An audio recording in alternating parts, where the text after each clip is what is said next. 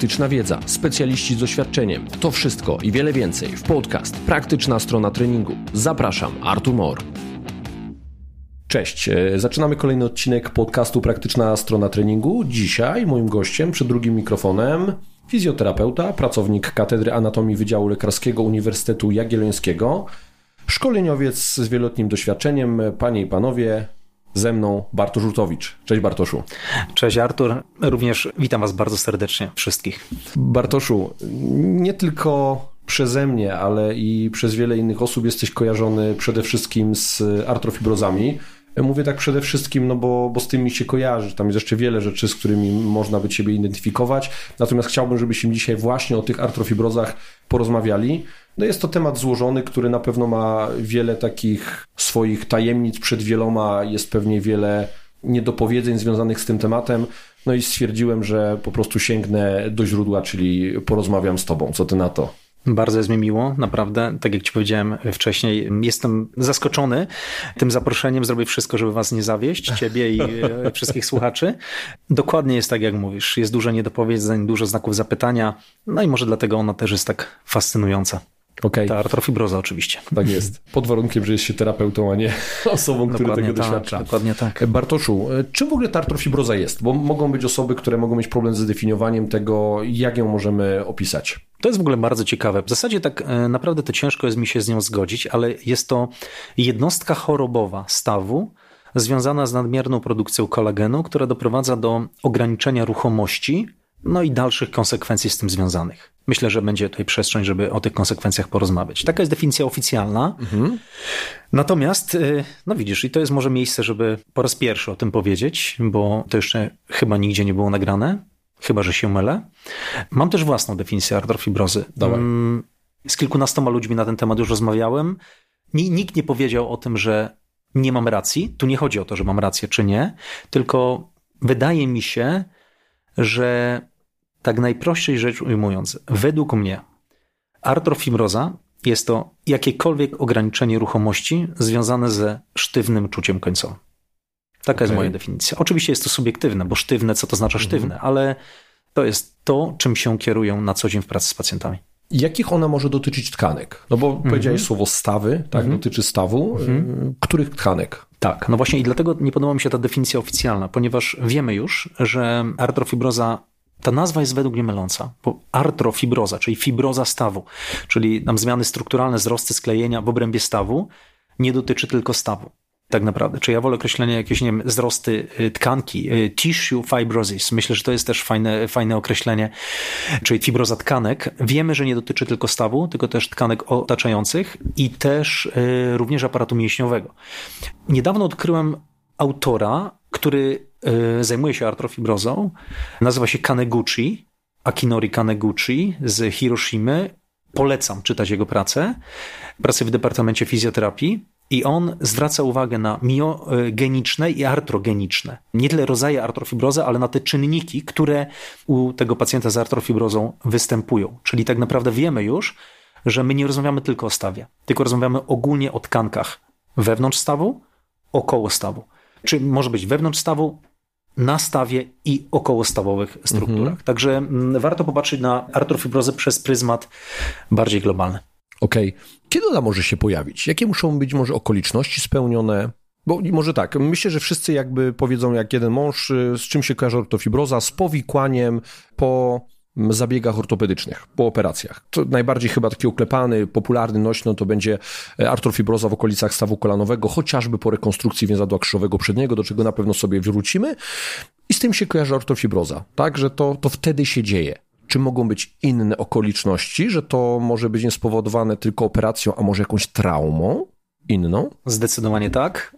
Wiesz, możemy popatrzeć na to przez pryzmat zamrożonego barku, gdzie tam wiemy oczywiście, że artrofibroza, zamrożony bark też jest pewnego rodzaju fibrozą e, stawu. Natomiast oczywiście nie musi to być operacja, może to być po prostu uraz, ewentualnie jakiś czynnik mechaniczny, który w wyniku jakiejś tam sytuacji w stawie się znalazł, na przykład wolne ciałko stawowe. Generalnie wiemy, że czynnikiem ryzyka dla artrofibrozy jest trwanie w deficycie w zakresie zakresu ruchu. Czyli to mhm. trwanie w deficycie zakresu ruchu jest tym głównym triggerem, głównym czynnikiem, który doprowadzi nam, nas, y, doprowadzi nam do, czy może doprowadzić nam do artrofibrozy. Ale i oczywiście, rzeczywiście, tak jak powiedziałeś, no rekonstrukcja więzadła krzyżowego przedniego jest, przepraszam za określenie, ale wymarzonym czynnikiem dla potencjalnej artrofibrozy. Natomiast y, również sama trauma, czyli sam uraz, czyli nie operacja, czyli nie zabieg chirurgiczny, już też może tą artrofibrozę wywołać. I na przykład dla mnie takim dużym czynnikiem ryzyka jest duże uszkodzenie łąkotki powiązane z blokiem stawu, na przykład mhm. z deficytem wyprostu. I kiedy pacjent czeka na ten zabieg chirurgiczny, to właśnie to rozłożony w czasie okres między traumą a zabiegiem operacyjnym, powoduje, że już w trakcie zabiegu chirurgicznego ortopeda widzi na bloku operacyjnym tego pacjenta, okay. który tą artrofibrozę e, już ma, czyli jakiś tam deficyt wyprostu. Czyli nawet po usunięciu tego czynnika mechanicznego, mhm. tak naprawdę ten deficyt zostaje. Oczywiście wtedy mamy też optymalne warunki, żeby tą artrofibrozę już wtedy w jakiś sposób zlikwidować poprzez, e, nie wiem, nacięcie tkanki, która ogranicza ten zakres ruchu, więc nazwijmy to, że są fajne warunki do tego, żeby ją zniwelować czy zlikwidować, ale te sytuacje też się zdarzają. Mhm. O jakich innych czynnikach ryzyka powinniśmy jeszcze wiedzieć? Trochę jak powiedziałeś, wiesz, mhm. tak, tak nawiązując do zamrożonego barku i trochę, mhm. że jest tam pewna forma jakiejś artrofibrozy, która się może tworzyć. Wiemy, że zamrożony bark to trochę taka no, trochę taka etiologia nieznana, ale wiem, że czynnikami ryzyka są takie rzeczy jak palenie papierosów, picie mm. alkoholu, komponenta stresu, mm. czyli takie mm. śliskie tematy, mhm. które związane są z szeroko rozumianym e, zdrowiem. Tak, mhm. zdrowiem, nie? I takim tak. lifestylem destrukcyjnym. Mhm. Czynniki ryzyka dla artrofibrozy. Na pewno trauma. Szeroko pojęta trauma, to, to, już, to już powiedzieliśmy o tym. Może będę miał jeszcze okazję rozwinąć ten temat, ponieważ znowu jest bardzo ciekawa praca, która pokazuje o tym, jaki rodzaj zabiegu operacyjnego zwiększa ryzyko artrofibroza, a który nie. To dawaj od razu. Y, no to mamy yy, tak. I znowu wracamy do tego samego autora, do tego Japończyka, Kaneguchiego. Fakt, że eksperyment był robiony na szczurach, ale pokazał, że największym czynnikiem ryzyka dla artrofibrozy Stworzył cztery grupy, mhm. stworzył cztery grupy. Jedna to y, tam szam, operacja szam, czyli wiadomo. Tak, pozorowana. E, dokładnie tak. Druga po prostu ucięcie, samo przecięcie więzadła krzyżowego przedniego. Trzecia grupa e, rekonstrukcja więzadła krzyżowego przedniego. I czwarta grupa po prostu drilling, czyli y, wiercenie kości bez rekonstrukcji więzadła krzyżowego przedniego. I wiemy, że największą grupą ryzyka dla artrofibrozy w tych czterech grupach było drilling, czyli mhm. wiercenie kości oraz rekonstrukcja więzadła krzyżowego przedniego, która wiemy, że z tym zabiegiem również jest związana. Czyli jakby nie patrzeć, traumatyzacja tkanki, uwaga, wewnątrzstawowa. To jest jak gdyby dość istotne. Więc to jest jak gdyby... E, no to jest, faktycznie to... mamy na przykład uszkodzenia tkanek takie zewnętrzne, tak. E, rozcięcia powiedzmy nawet tak. mięśni, które no nie kojarzą się tak z artrofibrozami. Nie? Naturalnie. Naturalnie, ale zwróć uwagę, że artrofibrozę mamy też po endoprotezoplastyce stawu mhm. no, kolanowego w tym przypadku. Myślę, że najlepszy lepszy rezultat, gdzie ta traumatyzacja tkanki jest bardzo duża, a zabieg też jest zrobiony wewnątrz stawu tak naprawdę, mm. a zabieg jest rozległy. Ale wróćmy, dokładnie tak jest. No, myślę, że jeszcze będzie może przestrzeń, żeby porozmawiać też o tym, czy rodzaje zabiegów operacyjnych zwiększają nam ryzyko artrofibrozy, czy nie. Może jeszcze to rozwiniemy. Zobaczymy. No, Chyba, że chcesz od razu. Nie, no dawaj od razu, to wiesz. To, od razu. No nie to, zostawiaj mi niepewności, więc zaczynasz wątek i, i poczekaj, Artur. No, e, nie. no to dobrze, no to, no to mówimy dalej. Na przykład, e, co ciekawe, e, porównanie, ciekawa praca, chyba nawet z tego roku, ale porównanie dwóch rodzajów zabiegów chirurgicznych w obrębie operowania, czy zabiegu chirurgicznego więzadła pobocznego przyśrodkowego.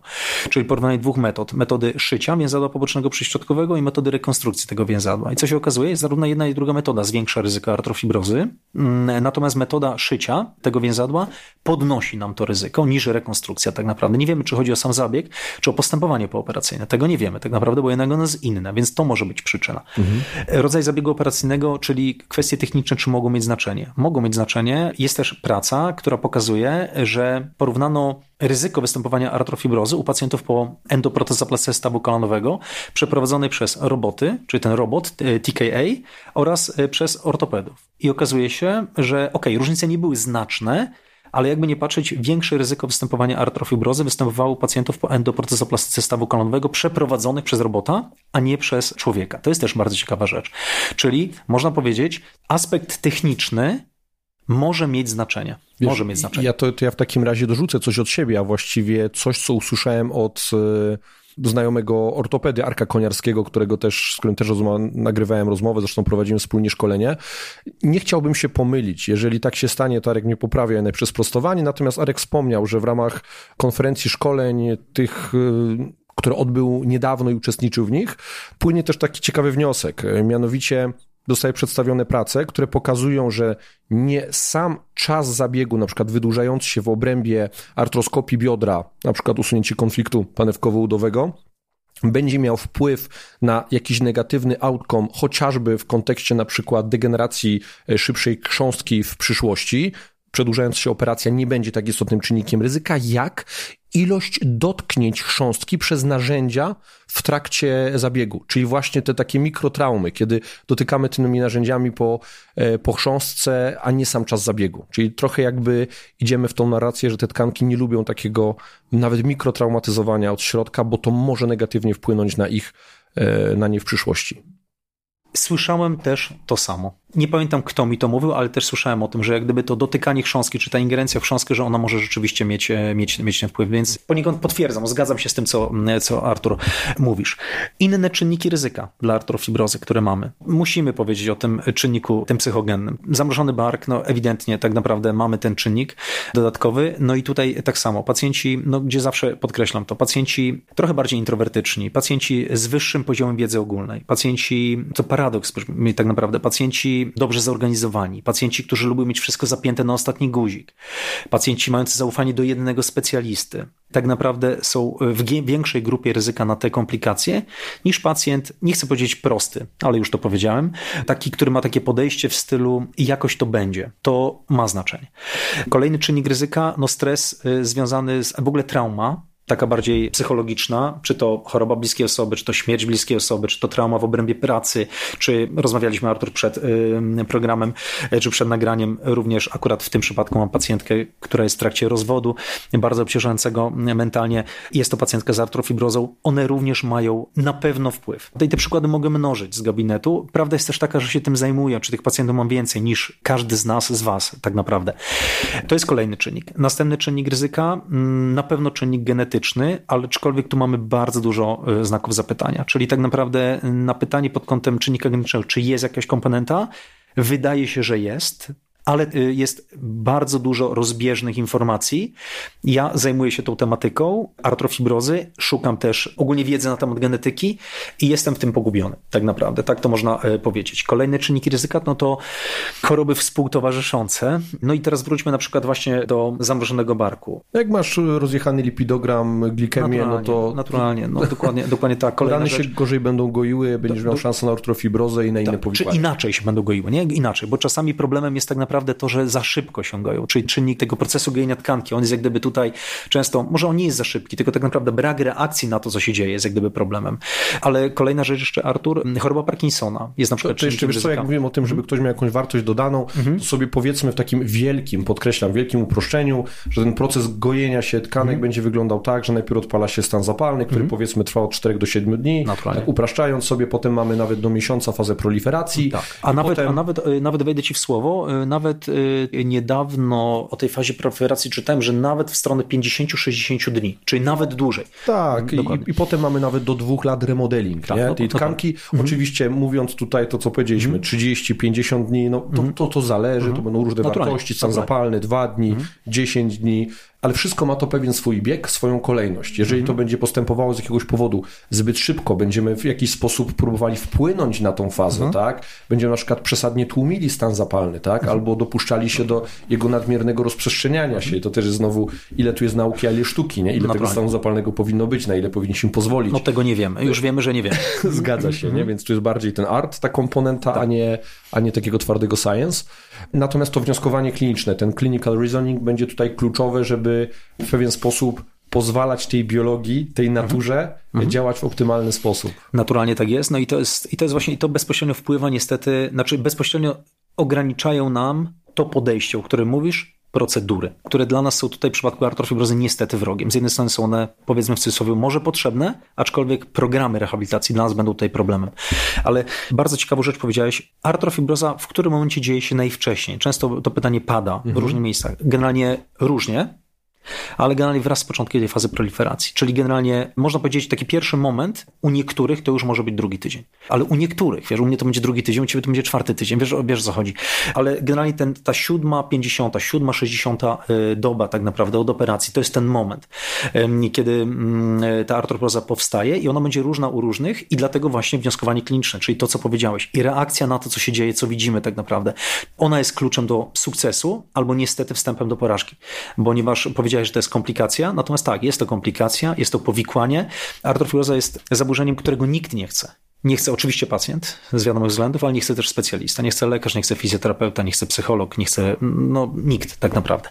Ale jeszcze wróćmy do tych innych czynników ryzyka. Wiemy już, że choroba Parkinsona, mhm. wiemy już, że cukrzyca, wiemy, że na pewno borelioza, Wiemy, że zesztywniające zapalenie stawów kręgosłupa, hmm. w ogóle choroby autoimmunologiczne, tak naprawdę, różnego rodzaju egzemy, znaczy w tym egzema, może tak e, powinienem powiedzieć. I nie wiem, czy powiedziałem gruźlica. Nie. E, natomiast e, nie spotkałem się z tuberkulozą, no, z gruźlicą w mojej pracy, czyli że gruźlica była przyczyną artrofibrozy, tylko mówiąc tuberkuloza, mówiąc gruźlica, mam na myśli po prostu prace naukowe, że jak gdyby jest to też jeden z czynników ryzyka dla artrofibrozy. Jakieś leki przyjmowane, konkretne, takie wiesz, na przykład mówi o konkretach typu mhm fluorochinolony mhm. dla ścięgien. Tak, tak. Nie? nie potrafię odpowiedzieć na to pytanie. To jest pytanie częste. Y, jest bardzo dużo prac na ten temat, mhm. bardzo dużo. Natomiast niestety nie mam żadnej metaanalizy, nie mam systematycznego przeglądu piśmiennictwa pod tym kątem. Są to poszczególne artykuły, że dany lek obniża ryzyko artrofibrozy i tak dalej. Natomiast albo y, podnosi. Dobre mhm. pytanie, nie, y, bo chciałbym ci powiedzieć, że tak, ale ci tego nie powiem, bo nie kojarzę teraz w tym momencie. Okay. Rozumiesz?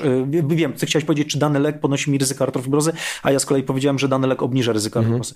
Dobre pytanie. Naprawdę nie odpowiem ci na to w, w tym momencie, okay. a nie chcę ściemniać, mam taką zasadę. Super, cieszę się. Jeszcze jakieś czynniki przychodzą ci do głowy? Mm, wiesz, nie chcę za głęboko tak, drążyć, no bo to y- czasami dokopujemy się już do takich, które zaczynają mieć marginalne znaczenie, tak? Mm. Można o nich mówić, tylko mhm. też y, ja zawsze lubię się skupiać na tych y, konkretach. Tak bo te czynniki ryzyka można tak rozbudować, mm że wiesz, że już pąta woda po kisielu, bo wiemy, że czynnikiem ryzyka mm -hmm. kontuzji może być wilgotność powietrza. Naturalnie. Wiesz, naturalnie. tylko, że no, jak zestawimy to na przykład z komponentą siły mięśniowej albo tak. e, niespaniem przez regeneracją i tak dalej. No, no to, to wiesz, to, to ta wilgotność nie ma znaczenia, można o niej mówić, że czynnikiem jest, więc... Naturalnie.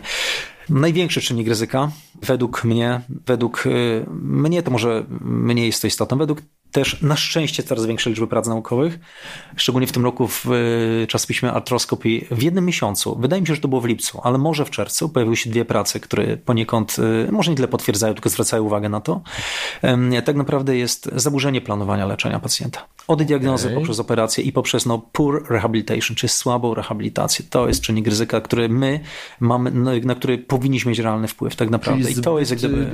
Dobra, czy ja mogę powiedzieć, że to jest zbyt późne uruchamianie tego pacjenta? Mm, też, ale generalnie jest tak. Mówię teraz o całej swojej wiedzy, jak ja to widzę. Na szczęście mówię, jest coraz więcej prac, które mm, poniekąd potwierdzają. Pierwsza rzecz to Mówiłem o tym też w live jest y, innym, który mhm. prowadziłem, ale od momentu traumy, czyli urazu. Myślę, że wygodniej by nam było skupić się teraz na przykład na więzadle krzyżowym przed. Dobra, dawaj. Ponieważ najwięcej osób to rozumie, a to o to chodzi, żeby tak naprawdę dana informacja trafiała. Gdzie połóż, na łokieć, nie? Pamiętasz z łokciem, jak to było na studiach. Tak, tak, tak. Natomiast mamy tak, zerwane więzadło krzyżowe przednie. Zrywamy więzadło krzyżowe przednie. Mhm. I teraz nasz organizm w jakiś sposób reaguje na tą traumę. W jaki sposób reaguje? Czyli generalnie pojawia się stan zapalny. U ciebie będzie mniejszy, u mnie będzie bardzo duży. U ciebie będzie urazowe zapalenie stawu, u mnie będzie urazowe zapalenie stawu połączone z krwią, czyli jakiś tam krwiak pourazowy. Ja Rzadko wyglądał... kiedy w ogóle będzie selektywne i często dostajemy tam jakieś dodatki, które są większą traumą. Dla naturalnie. I popatrz, ta trauma jest zarówno na poziomie takim, nazwijmy to, mm, strukturalnym, no bo mhm. jest, i na poziomie tym reaktywnym, czyli reakcja na traumę. I ona, ta reakcja jest na poziomie jak gdyby szeroko pojętego stanu zapalnego, czy tam obrzęku, ocieplenia, może rozmawiamy o wzorcu terapkowym, rodzaju czucia końcowego, prawda? Ale też na poziomie psychologicznym, no bo jednak trauma nas rozbija. Rozbija nasze zdrowie, rozbija nasze funkcjonowanie na co dzień, wiesz, obowiązki zawodowe, domowe, sytuacja ekonomiczna, moja, twoja jest inna, socjologiczna, ktoś się opiekuje dziećmi, ktoś się opiekuje z rodzicem, który jest chory, wiesz, wiadomo, inaczej zareagujemy na tą traumę. I teraz załóżmy, mamy zerwane więzadło krzyżowe przednie i pacjent chce mieć tą rekonstrukcję. Czyli tak, w oparciu o jakie kryterium podejmujemy decyzję, jakie jest wskazanie do rekonstrukcji? Zerwane więzadło krzyżowe przednie, potwierdzone rezonansem magnetycznym, czy potwierdzone radiologią oraz chęć pacjenta na tę operację. I teraz co to oznacza? Oznacza to, że w tym momencie mamy wskazanie do zabiegu operacyjnego, ale to nie powinno być jedyne wskazanie. Jest jeszcze coś takiego jak czas operacji. I teraz o co chodzi? My jako fizjoterapeuci lubimy sobie opowiadać o tym, że rehabilitacja przedoperacyjna jest bardzo ważna. Ja się z tym nie zgadzam. Może to jest kontrowersyjne, ale uważam, że nie każdy pacjent potrzebuje fizjoterapii przedoperacyjnej, ale dobrze by było, aby każdy pacjent miał operację w optymalnym momencie. I teraz tak, dla niektórych optymalny moment to będzie czwarta, piąta doba po urazie, a może nawet druga, trzecia. Popatrzmy na przykład na przykład naszego piłkarza Arkadiusza Milika, który w piątek w meczu przeciwko Duńczykom zerwał więzadło krzyżowe przednie, a w poniedziałek był operowany, tak naprawdę. Ale są też osoby, które nie są gotowe do przeprowadzenia operacji po dwóch, trzech, czterech tygodniach. Co chcę powiedzieć? Nie każdy pacjent potrzebuje fizjoterapii przedoperacyjnej, ale dobrze by było, żeby każdy pacjent miał operację w optymalnym momencie. I dla niektórych optymalny moment to jest druga, trzecia doba, dla innych to jest y, trzeci, czwarty no. tydzień, piąty, szósty tydzień tak naprawdę. I to jest jak gdyby pierwsza rzecz, czyli wyłapanie, i to mam bardzo duże oczekiwania względem ortopedów, ewentualnie również dla fizjoterapeutów, ewentualnie i tutaj znowu się kłania ta współpraca między ortopedą a fizjoterapeutą. My, fizjoterapeuci, mamy więcej czasu dla pacjenta, mamy większą wiedzę na temat szeroko pojętego, szeroko pojętej budowy ciała, wiesz, komponenty psychosomatycznej, wiesz, i tak dalej. I my jak gdyby bardziej czujemy, że ten pacjent jest łatwiejszy albo bardziej skomplikowany tak naprawdę, jeżeli chodzi o operację. I teraz mam duże oczekiwania względem ortopedów, żeby wyłapali przed zabiegiem operacyjnym, że ten pacjent, ok, ma wskazanie do operacji, ale jednak on jest w grupie ryzyka na, ten, na, na te komplikacje. Co to oznacza? Dobrze by było, żeby ten pacjent dzisiaj nie miał operacji. Znaczy, żeby dzisiaj nie zapadła decyzja, że operujemy go bardzo szybko. Żeby ta presja czasowa zeszła tak naprawdę z lekarza, zeszła z tego pacjenta, żeby go wyedukować, że dla jego zdrowia, dla jego bezpieczeństwa dobrze będzie, jeżeli on przeciągnie sobie ten temat rekonstrukcji za 4-6 tygodni i się do tej operacji tak naprawdę przygotuje. Mhm. Akurat to jest jak gdyby pierwsza rzecz, żeby nie operować pacjenta, który jest w grupie ryzyka na komplikacje. Mhm. Ja też posłużę się wartościami takimi statystycznymi, poprawnie, jeżeli się mhm. mylę, bo tych prac czytałeś więcej, ale jeżeli sobie sięgniemy właśnie po prace analizujące ryzyko artrofibrozy i tych okoliczności, mhm. o których mówisz, mhm. czyli kiedy operować, mhm to faktycznie wyłania się takie pewne korzystne okno na ten zabieg, tak mhm. statystycznie, mhm. że jeżeli zoperujemy do tej trzeciej doby, to mhm. może tak, tak, szansa na trofibrozę jest na poziomie 6%, tak mhm. w ogóle basicowo, tak. średnio, populacyjnie, mhm. statystycznie, jeżeli chodzi o tego rekonstrukcję acela.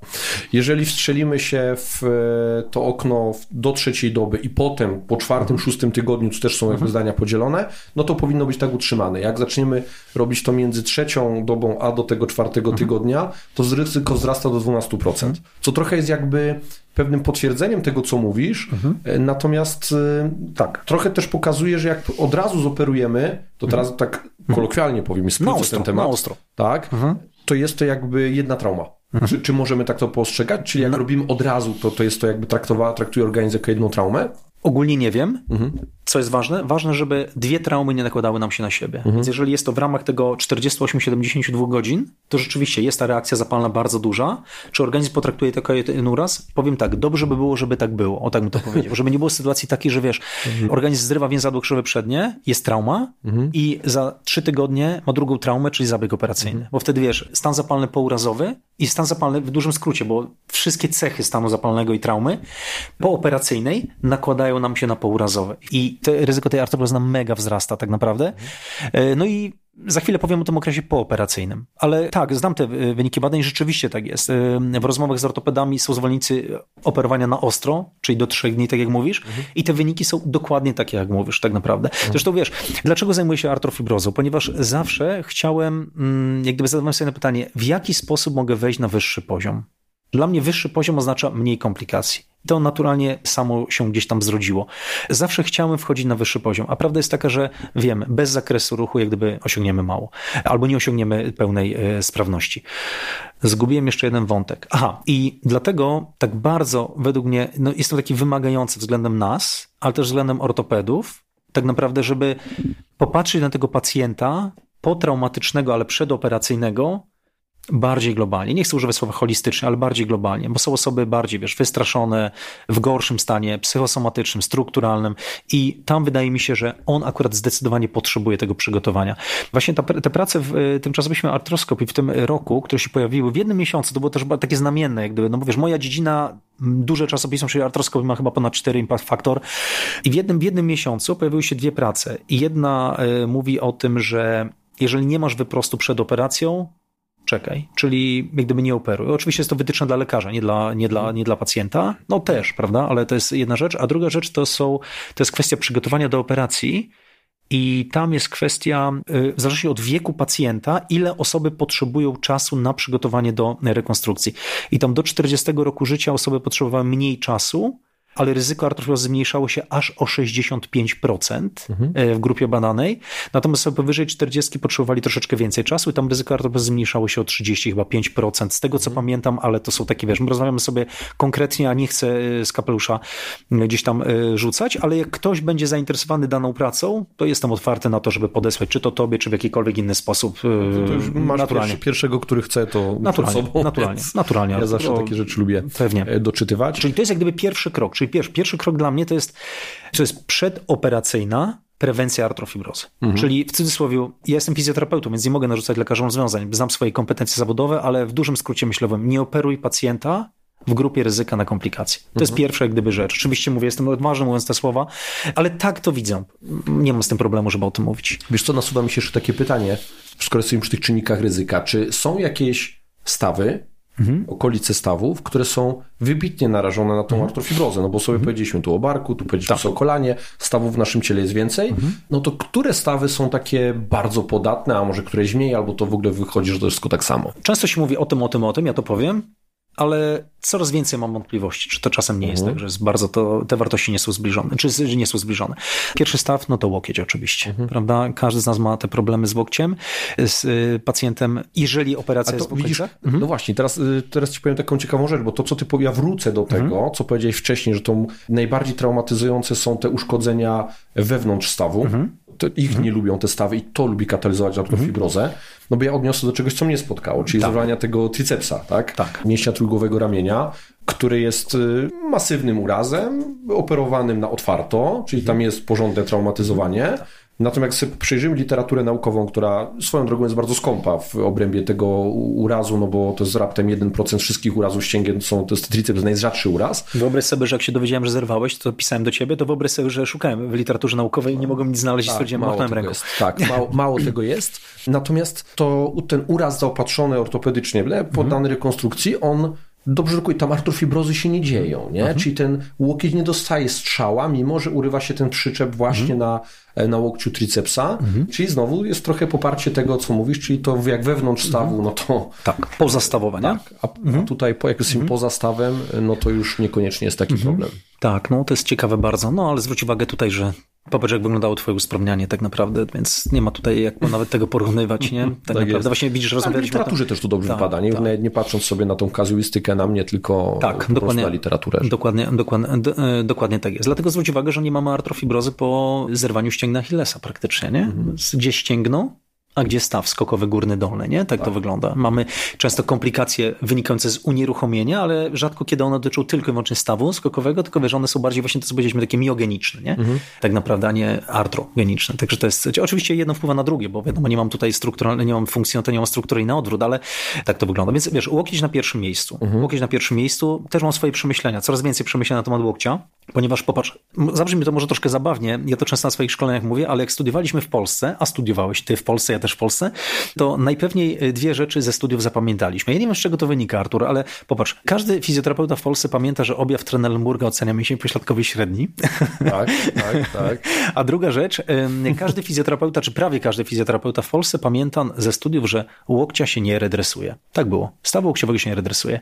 E, konsekwencje są ciekawe, nie? No przychodzi pacjent, nie ma zakresu ruchu w łokciu, no wiesz, pomógłbym ci, ale stawu się nie redre, a łokcia się nie redresuje, rozumiesz? No i można powiedzieć, robimy to samo od 50 lat, a liczymy na inne efekty. I to jest ciekawostka. Ciekawostka jest taka, że widzę, że staw łokciowy ma, jeżeli mówimy o fazie zapalnej tej proliferacji, tak naprawdę wyjątkowo dużą dynamikę. Co to oznacza? Popatrz, na początku powiedziałem, że dla mnie artrofibroza jest to jakiekolwiek ograniczenie ruchomości ze sztywnym czuciem końcowym. Bo sztywne czucie końcowe jest zawsze patologiczne i uwaga, prawie zawsze dotyczy stawu. Ja uważam, że zawsze, natomiast może się mylę. I teraz chciałbym zwrócić uwagę na jedną rzecz. E, jeżeli rozmawiamy o zabiegach mechanicznych, mocnych, nie subtelnych, delikatnych technikach, tylko mocnych, mechanicznych zabiegach, to tak naprawdę wskazaniem do szeroko pojętej redresji, ale nie redresji w znieczuleniu, tylko ogólnie redresji mocnych zabiegów mechanicznych, jest właśnie sztywne czucie końcowe. A teraz, co jest ciekawe, a sztywne czucie końcowe stawu łokciowi ma często już w trzecim, czwartym tygodniu. Czyli wiesz, jak mamy postępowanie takie, że mamy staw łokciowy, mamy traumę wewnątrz stawu łokciowego i mamy unieruchomienie sześciotygodniowe, to po sześciu tygodniach prawdopodobieństwo, że mam sztywne czucie końcowe, czyli realną artrofibrozę jest ekstremalnie wysokie. I dlatego wydaje mi się, że staw łokciowy jest stawem, który wyjątkowo wymaga bardzo szybkiej pracy, czyli wiesz, już po kilku dniach, nie mówię w drugiej, trzeciej dobie, ale w piątej, szóstej, siódmej dobie, która powinna polegać na budowaniu bardzo dużego zakresu ruchu w stawie łokciowym, ale uwaga, jeszcze bez agresywnych technik, bo wtedy z kolei spowodujemy to, o czym powiedziałeś przedtem, wyzwolimy za duży stan zapalny, który też jest naszym e, w tym przypadku przeciwnikiem. Ta wygórowana reakcja zapalna też jest problemem.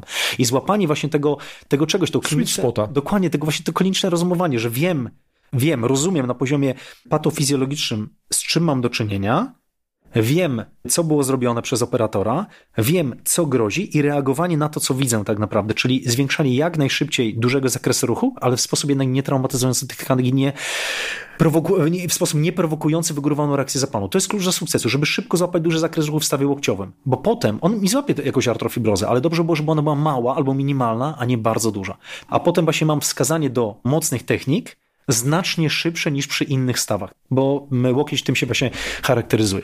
Więc procentowo na pewno on jest w czynnik, y, grupie, y, czynnikiem, staw łokciowy jest na pewno procentowo najbardziej podatny na artrofibrozę, no ale jednak te stawy łokciowe nie są aż tak częste, jeżeli chodzi o uszkodzenie, więc liczbowo one nie dominują. Nie? Mhm. Tak Dalej? wygląda. Drugie, trzecie e, oczywiście, ba, oczywiście staw ramienny, nie bark, przepraszam. Staw ramienny konkretnie, mhm. bo chodzi o ramienny, ramienno-upadkowy czy upadkowo-ramienny, konkretnie staw ramienny. Czyli oczywiście no tutaj kłania nam się zamrożony bark, nie? który jak gdyby też może być, ma wiele potencjalnych przyczyn, wiesz, wiele osób się tym zajmuje, zajmowało i cudowne to jest tak naprawdę. Natomiast ten zamrożony bark, no to jest zesztywniające zapalenie stawu ramiennego. Czy znowu patologia stawu ramiennego, to jest bardzo ważne, o charakterze zapalnym, która prowadzi do zesztywnienia, czyli wydaje się do artrofibrozy. Co jest piękne tutaj? Piękne jest to, przepraszam, ci chodzę słowo, że nie wiemy dlaczego, ale ten zamrożony bark sam w cudzysłowie puszcza. Ja nie jestem wielkim mhm. fanem tego, że on puści. Całkowicie jestem zwolennikiem innego oddziaływania tak naprawdę, mhm. bo efekty mamy lepsze i szybsze, mhm. ale jednak jest to ten staw, gdzie to zjawisko Mija no, samo. Mija samo, jest, samo leczenie. Naturalny przebieg tej dolegliwości. Dlatego jest ja, taka regresja tutaj, do średniej. Tak, dlatego takie wiesz, zachowanie spokoju, jak gdy w przypadku tej patologii jest też y, pewną opcją. Tak, ja też y, nie, no nie jestem specjalistą zamrożonego barku, natomiast y, no, ta charakterystyka, ten, ten przebieg może być różny, czyli on może być z tymi zmianami strukturalnymi, a czasami jest bez tych zmian strukturalnych. Naturalnie, nie? Czyli naturalnie. mamy też, to była taka praca, która zrobiła szum swojego czasu, mhm. gdzie m, chyba jednak chirurg ortopeda, tak, tam. tak, mhm. była, tak. byli mhm. pacjenci poddani sedacji, tak i nagle się okazywało, że kiedy oni byli w sedacji, odzyskiwali pełną ruchomość. Nie? Ona ruszała tym i nie było żadnego mhm. ograniczenia Dokładnie nie? tak. ruchowego. Tak, tutaj też można by dyskutować na czyli ten temat. to nie było stricte strukturalnych ograniczeń, mhm. czyli gdzieś tutaj były one mhm. związane z czymś innym, a nie ze z tą strukturą. Tam ja... jeszcze wiem, że też czasami ma podłoże, kiedy dochodzi do dynamicznego rozrostu e, naczyń krwionośnych. Tak, no dokładnie tak.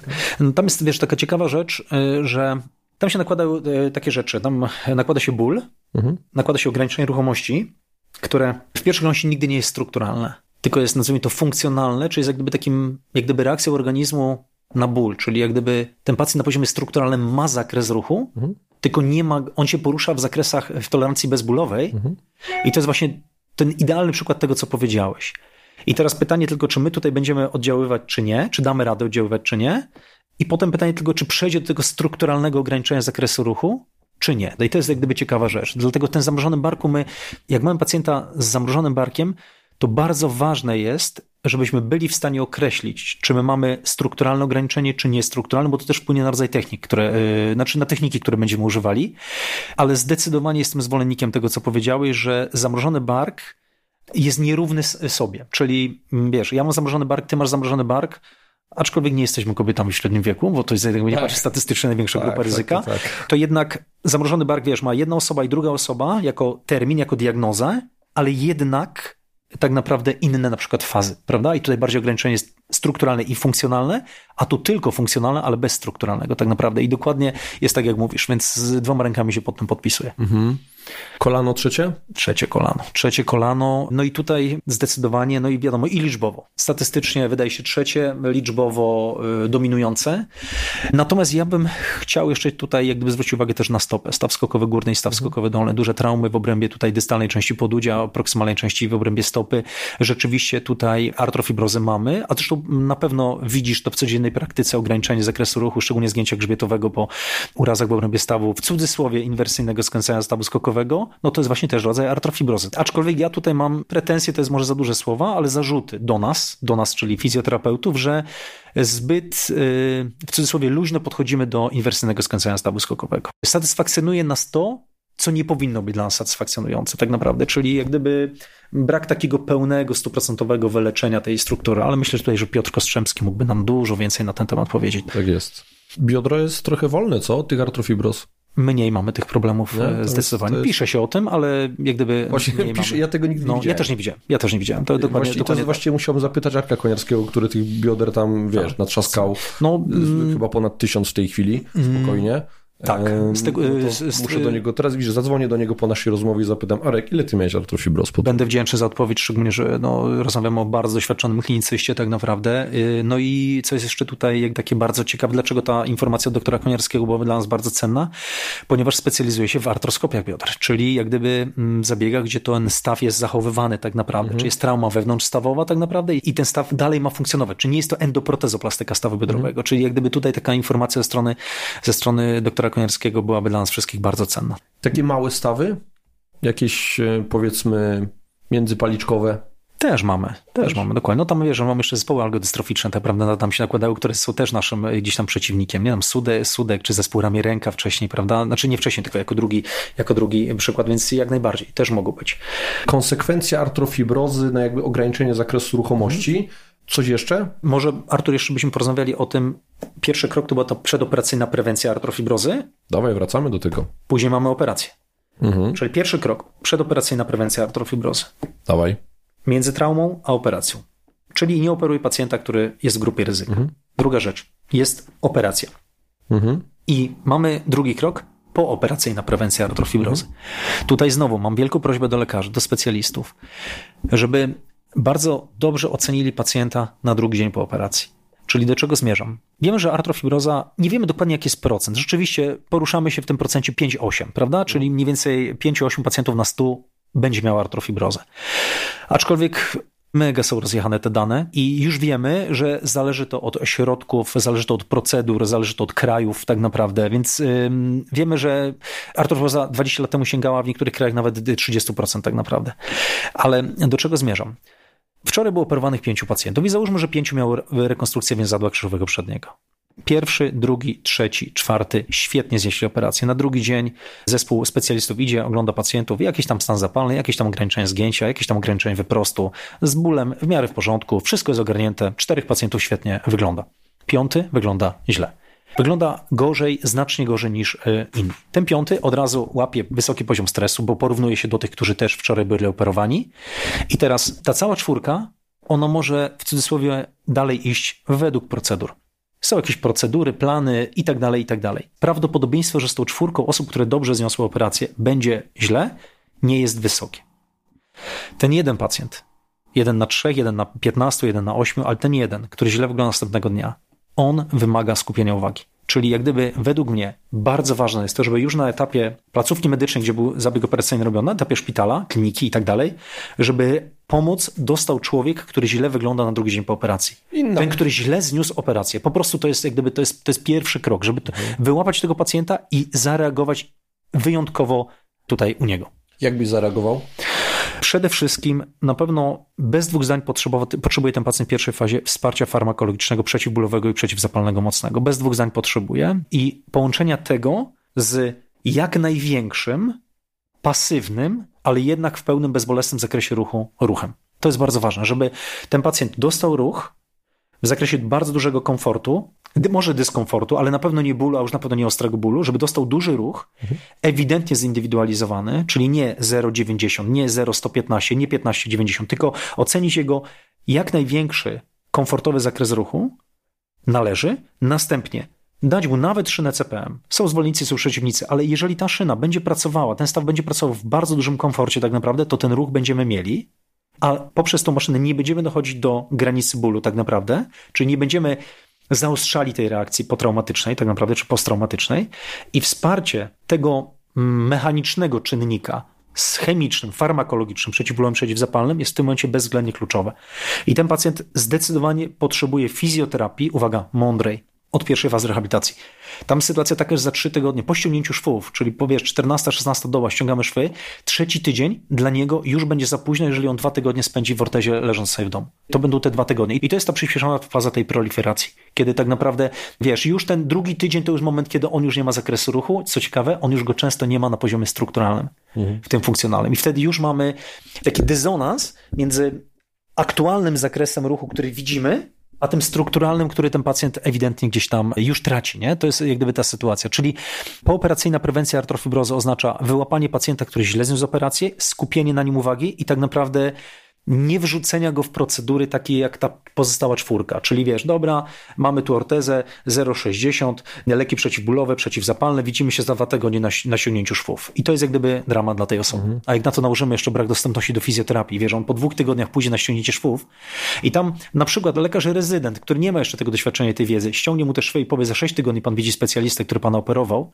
i wiesz, że ten pacjent jeszcze wraca na sześć tygodni do domu i tkwi w tym swoim, wiesz, no fatalnym stanie i z tymi wyjątkowo dużymi predyspozycjami do problemu, no to po sześciu tygodniach mamy, rozmawialiśmy o, tych, o tym czasie, nie? Mamy ewidentną komplikację. Ja też podkreślę to, co powiedziałeś, czyli intensywne leczenie przeciwbólowe, przeciwzapalne. W ogóle to ma znaczenie też, no nie jest nawet z perspektywy samego stanu zapalnego, natomiast mm. są czasami pacjenci, którzy chcą być bohaterami, mm. czyli tak, oni nie będą brali środków tak, przeciwbólowych, tak. oni to wytrzymają, no ale wiemy, że znowu statystycznie, że w tych pracach wychodzi, że intensywne leczenie przeciwbólowe w pierwszych dwóch dobach po mm. operacji mm. daje lepszy outcome w ogóle pod kątem powrotu mm. do zdrowia, czasu oraz y, poziomu sprawności, czyli tych parametrów funkcjonalnych.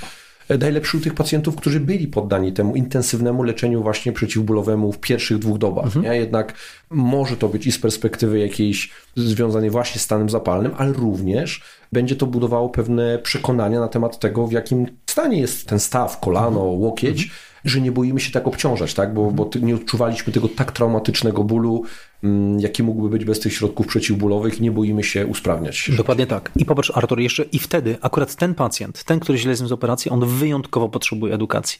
Żeby on zrozumiał, czym jest ból tak naprawdę i żeby on zrozumiał, że ten ból jest jak najbardziej fizjologiczny, jest to ból pooperacyjny, każdy organizm taki ból ma, znaczy nie, przepraszam, każdy organizm ma ból, ale w różnym, różnym stopniu nasilenia i przede wszystkim, żeby pacjent ten ból potraktował jako informację i żeby też w sposób jasny wiedział, że nie boli go przeszczep więzadła krzyżowego przedniego. Ten ból pochodzi jak gdyby jest reakcją pooperacyjną, ale nie boli go przeszczep. Żeby on wiedział, że tak naprawdę ten ruch jest mega wskazany dla niego, że funkcjonowanie, że przedefiniowanie bezpieczeństwa pacjenta, że brak ruchu jest niebezpieczny, a ruch daje mu bezpieczeństwo tak naprawdę. Ponieważ to, co powiedzieliśmy przedtem, największym czynnikiem ryzyka dla artrofibrozy jest trwanie w deficycie związanym z zakresem ruchu, czyli trwanie w deficycie ruchowym. I na to, jak trwanie w deficycie ruchowym w połączeniu z procesem gojenia, to jest ten trigger, czyli znowu wracamy do tej, tego słabego planowania i słabej jakości rehabilitacji, bo o to musimy, mhm. Artur, podkreślać, bo no niestety tak jest. Tak i mhm. ja myślę, że w ramach właśnie tej edukacji, ty powiedziałeś o tym ograniczonym zakresie ruchomości, czasami to wręcz jest unieruchomienie zbyt długie, bądź takie korzystanie z zaopatrzenia ortopedycznego zbyt długie prewencyjne, czyli mhm. staw już moglibyśmy ściągnąć mhm. jakąś ortezę, bo nie musi być unieruchomiona, a my jeszcze zakładamy ją na część dnia, bo wtedy mhm. a będziemy zakładali, a bo będziemy tak. zakładali. Nie? Już mhm. powinniśmy z tego tak. rezygnować. I ja lubię używać pewnych metafor względem pacjentów i myślę, że taką metaforą, która też pokazuje, co się dzieje z aparatem ruchu, z wszystkimi tkankami, zwłaszcza tymi miękkimi w obrębie aparatu ruchu, które są widoczne dla nas, co robi unieruchomienie, to jest fakt wyciągnięcia z gipsu, czyli mhm. gdzieś ktoś widział kogoś z rodziny albo sam mhm. miał coś tam w gipsie i wie, że jak wyciągnął tą nogę z gipsu, to to wyciąga ogryzek. No tak, Czyli naturalnie. I zawsze taka metafora mówi, no i teraz tak, to te mięśnie, one są silne, lepiej funkcjonujące, jak pan myśli, czy tam mhm. pani? No taka metafora czasami potrafi się przydać. No zdecydowanie tak jest. Jesteście pierwszą grupą, której to mówię. Mam nadzieję, że niedługo opublikujemy te dane, ale jeżeli tydzień po operacji, tak naprawdę między 6 a 8 dobą po operacji, pacjent ma submaksymalny wyprost, Czyli deficyt jest nie większy niż 10 stopni względem nogi zdrowej. Mhm. Oczywiście asymetrię mamy, ale dobra, 10 stopni i zgięcie wynosi powyżej 90 stopni, czyli 100 stopni, pasywne ruchy. Mhm. Czyli mam submaksymalny wyprost i 100 stopni zgięcia, nie ryzykuję teraz. Nie będę miał artrofibrozy. Działa to w dwie strony. Jeżeli uzyskam submaksymalny wyprost i 100 stopni zgięcia, nie będę miał artrofibrozy. Dwa. Z wszystkich pacjentów, gdzie zacząłem robić te badania, Fakt, że jest to mała grupa osób, to jest dopiero 17 osób. żaden z pacjentów mających artrofibrozę tydzień po operacji nie miał submaksymalnego wyprostu i 100 stopni zgięcia. Działa to w dwie strony. Mhm. I to jest niesamowite, ponieważ chodzi tylko o pasywny ruch. Pasywny w zakresie dużego komfortu. I jeżeli to mamy, będzie dobrze. Nie wiemy, dlaczego chodzi o te zakresy. Mhm. Problem polega na czymś innym. Na tym, że ja to teraz mówię w oparciu o własne doświadczenie, ta wiedza nie jest zewidencjonowana, Natomiast mam nadzieję, że w przyszłym roku na ten temat będziemy mieli mhm. E, już e, pełną publikację. To jest bardzo ciekawe i to jest ważne, ponieważ 5 minut po operacji na bloku operacyjnym każdy pacjent ma pełny wyprost i pełne zgięcie. No bo lekarz oceniając efekt swojej pracy robi pełny wyprost, robi pełne zgięcie, robi tam testy więzadłowe, nie wiem, Lachman pivot shift, czy Lachman pivot shift, czy szufladę przednią. Czyli 5 minut po operacji pacjent ma pełny zakres. To dlaczego nie ma po 6 tygodniach? Nie dlatego, że wydarzyło się coś w trakcie operacji, tylko wydarzyło się coś między operacją a szóstym tygodniem. Co się wydarzyło? Pacjent zbyt długo trwał w deficycie związanym z zakresem ruchu. To nie jest skomplikowane, to jest bardzo proste. Ja myślę, że, bardziej, że brakuje reakcji w tym wszystkim, czyli my nie jesteśmy nauczeni odpowiednio reagować. No to, co zresztą przez ostatnie 20 minut mówisz, nie? czyli tak. trochę starasz się nieść pochodnie przez jaskini wiedzy, że my mamy wpływ na to, co zrobić z pacjentem e, narażonym na ryzyko artrofibrozy, tylko musimy mieć wiedzę i umiejętność selekcjonowania tych pacjentów z podwyższonym ryzykiem. Tak, czyli idziemy wchodzimy w indywidualizację, Artur. Czyli widzisz teraz, jak programy rehabilitacji mogą być dla nas e, niebezpieczne.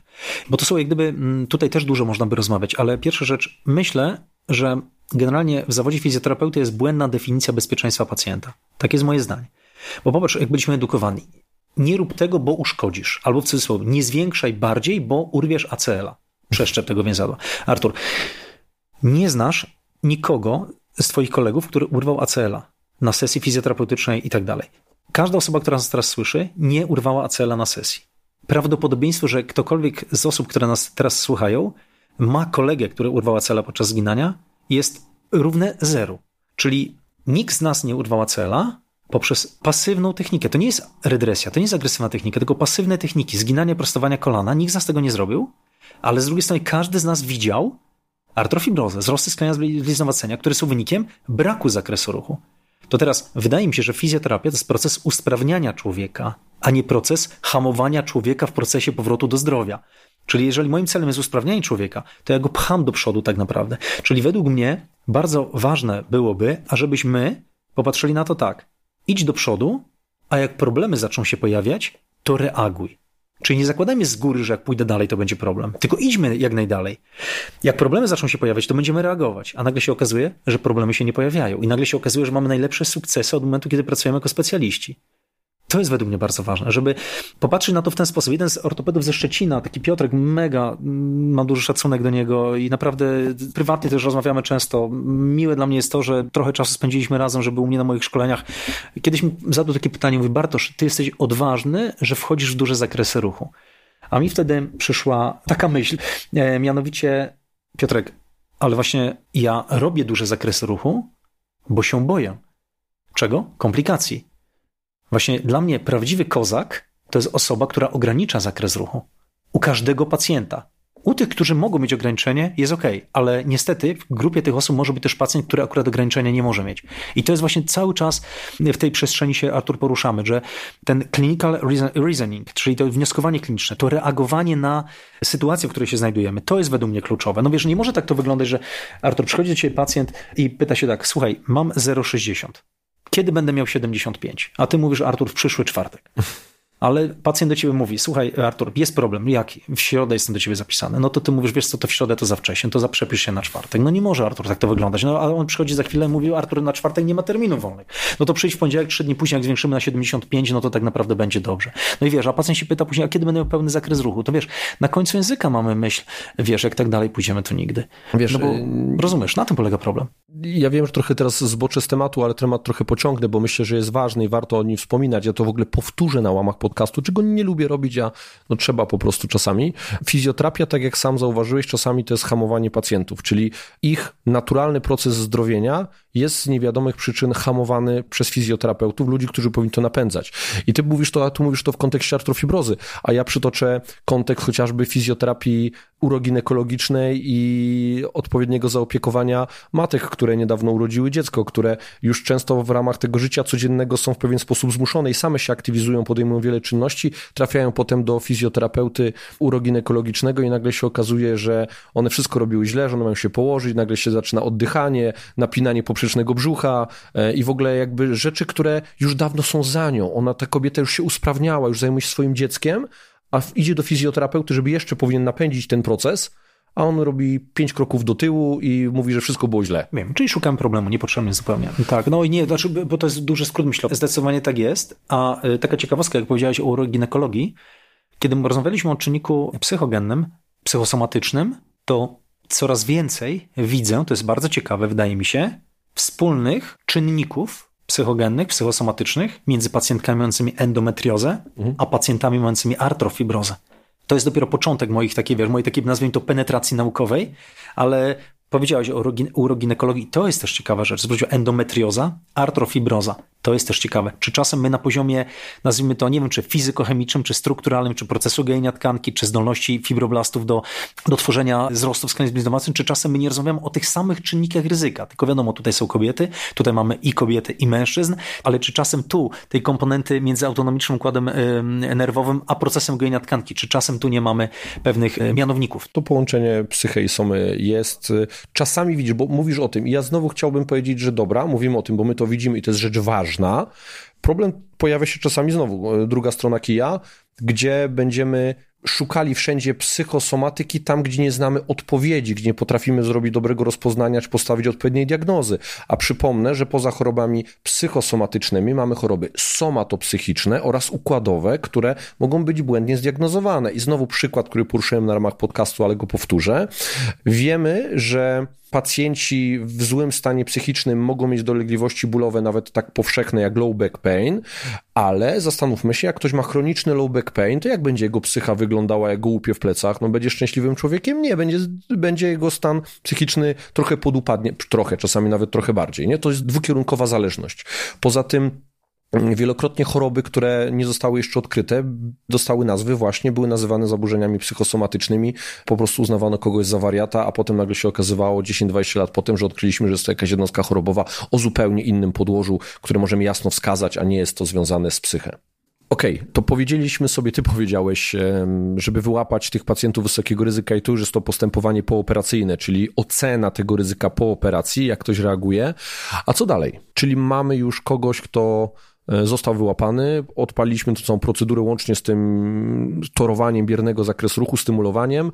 No i co, co jeszcze potem możemy robić? Te późniejsze fazy rehabilitacji, no one powinny też w jakiś sposób być modyfikowane? Tak. Jeszcze tylko podkreślę, w ramach tej prewencji pooperacyjnej bardzo ważne jest to, żeby naprawdę dobrać, żeby zrozumieć o co chodzi tak naprawdę, żeby dobrać te techniki, które naprawdę pacjent potrzebuje, bo niestety, nie, może nie niestety, na szczęście, co jest bardzo ważne? Bardzo ważne jest to, żebyśmy zrozumieli, że nie techniki fizjoterapeutyczne są celem, tylko celem jest zdrowie pacjenta. A techniki fizjoterapeutyczne tak naprawdę służą uzyskaniu określonego celu terapeutycznego. I chciałbym szczególnie podkreślić rolę tutaj fizjoterapeuty, który na co dzień pracuje z tym pacjentem, że sesja fizjoterapeutyczna to nie jest show. To nie może być show. Tylko mamy jasny cel. Jest pacjent, który jest w grupie ryzyka na to, że straci zakres ruchu. Co to oznacza? Muszę stanąć na głowie, żeby dobrać takie metody i techniki z repertuaru, który znam, które tego pacjenta będą naprawdę pchały do przodu. To jest bardzo ważne, żeby popatrzeć na to w ten sposób, bo zazwyczaj, jak się okazuje, żadne manualne techniki tylko na przykład zwykły pasywny ruch, wyłapanie pasywnego ruchu tak naprawdę w e, optymalnym układzie całego ciała pacjenta, tak naprawdę nagle jest najefektywniejszą techniką. To jest na przykład bardzo ważne. Ja wiem, o czym mówię, pracuję 20 rok z pacjentami. W lutym tego przyszłego roku minie 20 lat. I kiedyś patrzyłem kategoriami metod i technik, które znałem. Teraz patrzę kategoriami zdrowia pacjenta. I taka sugestia z mojej strony. Zobaczcie, że w grupie ryzyka na artrofibrozę pooperacyjną jest pacjent, który wyjątkowo źle znosi sytuację, kiedy kończyna dolna jest ustawiona w takim układzie. Biodro jest w przywiedzeniu w subtelnej rotacji wewnętrznej i wyproście, staw kolanowy jest w submaksymalnym wyproście, a stopa jest w zdjęciu grzbietowym. Jeżeli pacjent wyjątkowo źle znosi tą pozycję, to jest to pacjent grupy ryzyka na komplikacje. Jak pacjent się kładzie na leżance, to samo ustawienie w pozycjach spoczynkowych trzech stawów, biodrowego, kolanowego i stawu skokowego, całego, i górnego i dolnego, czyli zgięcie, odwiedzenie, rotacja zewnętrzna w stawie biodrowym, lekkie zgięcie w stawie kolanowym oraz zgięcie podeszwowe w stopie, to jest ten układ, którym pacjent najlepiej się tak naprawdę czuje. Każdy pooperacyjny, bo to jest pozycja spoczynkowa dla tych trzech stawów. I skoro pacjent się w tym najlepiej czuje, a jest pacjentem mocno bólowym, to może wykorzystajmy ustawienie stawu biodrowego i stawu skokowego w pozycjach spoczynkowych i w tych pozycjach pracujemy nad zakresem ruchu w stawie kolanowym, bo to jest optymalna pozycja dla całej kończyny dolnej. Na poziomie każdym tak naprawdę. I to jest bardzo ważna rzecz, żeby popatrzeć na to w ten sposób. Bo nagle okazuje się, że mówię, ten pasywny ruch, on jest, staje się często najskuteczniejszym tak naprawdę ruchem prewencyjnym, ponieważ to pytanie gdzieś tam Artur od Ciebie padło, ale artrofibroza jest ok, patrzymy, brakuje nam strukturalnego zakresu ruchu, ale wiemy doskonale, że bez, nie ma funkcji bez struktury, czyli jak gdyby artrofibroza jest problemem w stawie i w okolicach stawu, tak jak powiedzieliśmy, ale wpływa bezpośrednio na funkcjonowanie całego organizmu, czyli nie zbudujemy funkcji, jeżeli nie mamy struktury. Nie mam końcówki wyprostu na poziomie strukturalnym, nie zbuduję funkcji chodu. Nie mam funkcji chodu, nie mam biegania. Ze skakaniem też różnie jest. No i generalnie muszę o tym pamiętać, że to jest absolutny fundament tak naprawdę, czyli nie mogę tego zakresu ruchu stracić jeżeli utrzymam ten zakres ruchu, a w pierwszej fazie ta rola fizjoterapii jest duża, pooperacyjna. Rola fizjoterapii powinna spadać. Szósty, siódmy, ósmy tydzień tam fizjoterapii już nie powinno praktycznie być. Tam już powinna być tak naprawdę faza bardziej aktywnej terapii. Ja zawsze mówię treningu tak naprawdę, czyli w jaki sposób ja patrzę na pacjentów po e, operacji. Lekarz zrobił swoją pracę, czyli zrobił rekonstrukcję więzadła krzyżowego przedniego, czyli uwaga, wyleczył pacjenta. Uwaga, organizm pacjenta zareagował na traumę, czyli na operację, bo dla organizmu pacjenta operacja jest traumą. I każdy z nas ma inną reakcję na tą traumę. I co to znaczy? I fizjoterapia pooperacyjna według mnie polega na jak najsprawniejszym wygaszeniu reakcji organizmu na operację. I jak najsprawniej to wygasimy, to mamy później fundament do treningu e, motorycznego, do aktywnej terapii tak naprawdę i o to tak naprawdę chodzi. I dlatego tak bardzo ważne jest, ja powiem tak, dla mnie zakres ruchu pacjenta pooperacyjnego jest wizytówką fizjoterapeuty. To jest po prostu mój biznes card. Mhm. Czyli moją wizytówką jest to, jaki zakres ruchu ma mój pacjent. Bo, bo według mnie po operacji mamy tylko dwie możliwości. Zakres ruchu jest albo pełny, albo za mały. Nie ma czegoś takiego jak za duży zakres ruchu po operacji. W, moim, w mojej wiedzy. Jest to kontrowersyjne, jest to też pole do, do, do, do dyskusji. Wiesz co, nie, Natomiast ja się z tobą zgadzam, bo ja wielokrotnie zdarzyło mi się pracować ze sportowcami po jakichś e, zabiegach ortopedycznych, którzy trafiali do mnie po dwóch miesiącach, jak dobrze poszło, po trzech tygodniach, ale ten okres, zanim trafili do mnie, był przebimbany, czyli to było takie delikatne ugniatanie ciasta, było ciągle gadanie o tym stanie zapalnym, żeby go tłumić, e, były jakieś drenaże limfatyczne robione, no, no naj, najróżniejsze techniki, które generalnie nie były niczym związanym z odbudowywaniem biernym, czy tym bardziej potem czynnym zakresem ruchu. I to się działo u sportowców, nie? czyli katastrofa, po prostu katastrofa i to, o czym mówisz, ja też widziałem wielokrotnie w praktyce, że osoby trafiały po przebimbanych dwóch, trzech tygodniach, po dwóch, trzech tygodniach i tu już była musztarda po obiedzie. Że tu już był ten moment, w którym. Mm, Musiałeś już... ratować. Tak. Musiałeś ratować, tak. dokładnie tak jest. I to, I to, no właśnie, i teraz o tym sobie jeszcze powiemy, nie? Co mhm. możemy wtedy tak. zrobić i na ile to się tak, udaje. Bo to będzie nie? ten trzeci krok, kiedy już ta tak. realna artrofibroza występuje, dokładnie. Ale wiesz, z mojego punktu widzenia nie ma żadnej operacji w ortopedii, tak teraz na szybko myślę, gdzie w czwartym miesiącu po operacji miałbyś odbudować zakres ruchu. Przecież ten zakres ruchu dawno już musi być. Nie może być sytuacja taka, że wiesz, pacjent w trzecim nawet, ale czwartym miesiącu nie ma zakresu ruchu. To jest dla mnie nieakceptowalne. No wiesz, y, przed y, nagraniem ci powiedziałem, no moja taka mm, zaprzyjaźniona fizjoterapeutka z północy kraju, no ma pacjenta dwa miesiące po szyciu dystalnej części bicepsa, no i chłopak ma zamrożony bark tak naprawdę. No to jest nieakceptowalne. No można powiedzieć zamrożony bark u osoby, która miała szytą dystalną część bicepsa, 7 tygodni, 6-7 tygodni nie wiem, braku pracy i tak dalej. No ale dobrze. Dużo moglibyśmy na ten temat e, rozmawiać. Ja jestem otwarty zawsze na dyskusję, więc może będzie przestrzeń kiedyś jeszcze spotkać i porozmawiać. Ale mamy teraz ten trzeci krok, czyli jak gdyby faza prewencyjna, przedoperacyjna już za nami i wtedy już ryzyko artropozy jest prawie żadne. Drugi krok, pooperacyjna prewencja, i nie doprowadzi nam do artrofibrozy. No ale mamy trzeci krok, czyli tą realną artrofibrozę. Dla mnie to jest taki pacjent ja to y, nazywam, realną... Ja to nazywam zaniedbany pacjent przez te pierwsze dwa tygodnie. Dokładnie. I to jest to słowo zaniedbany jest bardzo dobrym określeniem. Ja też właśnie używam tego określenia zaniedbany pacjent. Pacjent ja mam zaniedbany. najwięcej. Bo ja, wiesz, ja jestem kojarzony jako fizjoterapeuta pracujący ze sportowcami, trener przygotowania motorycznego i wielu do mnie sportowców trafia. Ale jest taki schemat, że nawet znajomi ortopedzi, którzy wysyłają do mnie tych, te osoby, czasami w miejscach właściwych dla ich praktyki, a jeszcze są tak tydzień, dwa przytrzymani ci pacjenci, żeby tam byli pougniatani, pomasowani, nie? I tu jest pies pogrzebany, że oni już często do mnie właśnie trafiają z tymi artrofibrozami. I ja nie jestem wielokrotnie zadowolony z tego, co tam się dzieje, z wielu powodów. No, no tak. No i teraz właśnie, no i mamy tą realną artrofibrozę, czyli mamy, znowu wracamy do tego samego, jakiekolwiek ograniczenie ruchomości, czyli może to być albo ograniczenie wyprostu, albo zgięcia, albo zgięcia i wyprostu, Bacząc teorią terapii manualnej czy medycyny ortopedycznej według mamy wzorzec torebkowy albo pozatorebkowy ze sztywnym czuciem końcowym. Czyli wiemy jedno. Mamy no, sytuację, która nie jest dobra. No, mamy komplikacje, mamy pacjenta zaniedba, nie, zaniedbałego, e, zaniedbanego, przepraszam, mamy pacjenta z powikłaniem. Co to oznacza? Oznacza to, że w tym momencie ten pacjent potrzebuje specjalisty. Potrzebuje specjalisty, czyli osoby, która naprawdę zrobi wszystko, żeby rozwiązać jego problem. Nie powiem rozwiąże jego problem, bo nie, nie zawsze damy radę. I według mnie tutaj kluczowe jest to, żeby zdawać sobie sprawę, że na delikatne techniki pasywne już jest zdecydowanie za późno, że one na pewno nam nie pomogą. Że na mobilizację torebki stawowej jest zdecydowanie za późno. Że jak gdyby nie ma tutaj przestrzeni tak naprawdę na robienie subtelnych, delikatnych rzeczy i właśnie tego w cudzysłowie show w gabinecie, w tym całej fizykoterapii. Bo tutaj akurat w tym przypadku już nie ma na to przestrzeni. Tam jest po prostu, tam są wzrosty, sklejenia, zbliznowacenia. Jest strukturalne ograniczenie zakresu ruchu, które uniemożliwia nam funkcjonowanie pacjenta. I to jest bardzo ważne, żeby teraz wiedzieć, że musimy stanąć na głowie, żeby ten zakres ruchu zbudować. Istotne jest to, żeby wiedzieć, żeby mieć tą wiedzę, żeby wyłapać tą informację, czy nasz pacjent jest pacjentem, który dobrze rokuje na fizjoterapię, albo tego, który nie rokuje na tą fizjoterapię, już kiedy ma artrofibrozę. I ja tą artrofibrozę dzielę na dwie grupy, na artrofibrozę miękką i artrofibrozę twardą. Generalnie tam już pracujemy redresjami z pacjentem, czyli pracujemy mocno, dochodzimy do końcowego zakresu ruchu, pracujemy nad zakresem i co jest bardzo ważne, pracujemy mocno, pracujemy z bólem, rozciągamy tkankę patologicznie zmienioną, jest to ból końca ruchu. Ten ból znowu paradoksalnie, on nie jest niebezpieczny, on jest problemem dla pacjenta, no bo ten ból jest duży, jest różny, ale może być duży, często jest duży, ale co jest bardzo ważne? Bardzo ważne jest to, żeby w sposób bardzo precyzyjny monitorować zakres ruchu tego pacjenta, czy on nam w cudzysłowie idzie do przodu, czy nie. Najlepsze rozwiązanie, jakby nie patrzeć, najprostsze, najlepsze jest po prostu dokumentacja fotograficzna. Dokumentacja fotograficzna. Trzeba tylko uważać, czy tak naprawdę pod dobrą projekcją robimy te zdjęcia. Stopadle. Dokładnie tak, ale ona jest jak gdyby najlepsza tak naprawdę.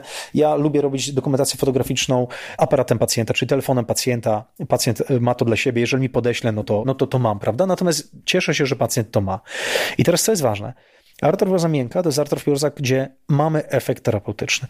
On nie jest z wizyty na wizytę, on jest z tygodnia na tydzień, ale generalnie jest. Oczywiście dynamika zmiany jest różna. Ja widziałem tyle artrofibroz, że nic mnie nie zdziwi. To nie jest tak, że duże ograniczenie ruchu będziemy, pracować, będziemy e, nie wiem, opracowali rok czasu, małe dwa tygodnie albo dwa miesiące, tylko po prostu jest różnie. Duży zakres ruchu można nam szybko pójść, mały zakres ruchu będzie stał w miejscu.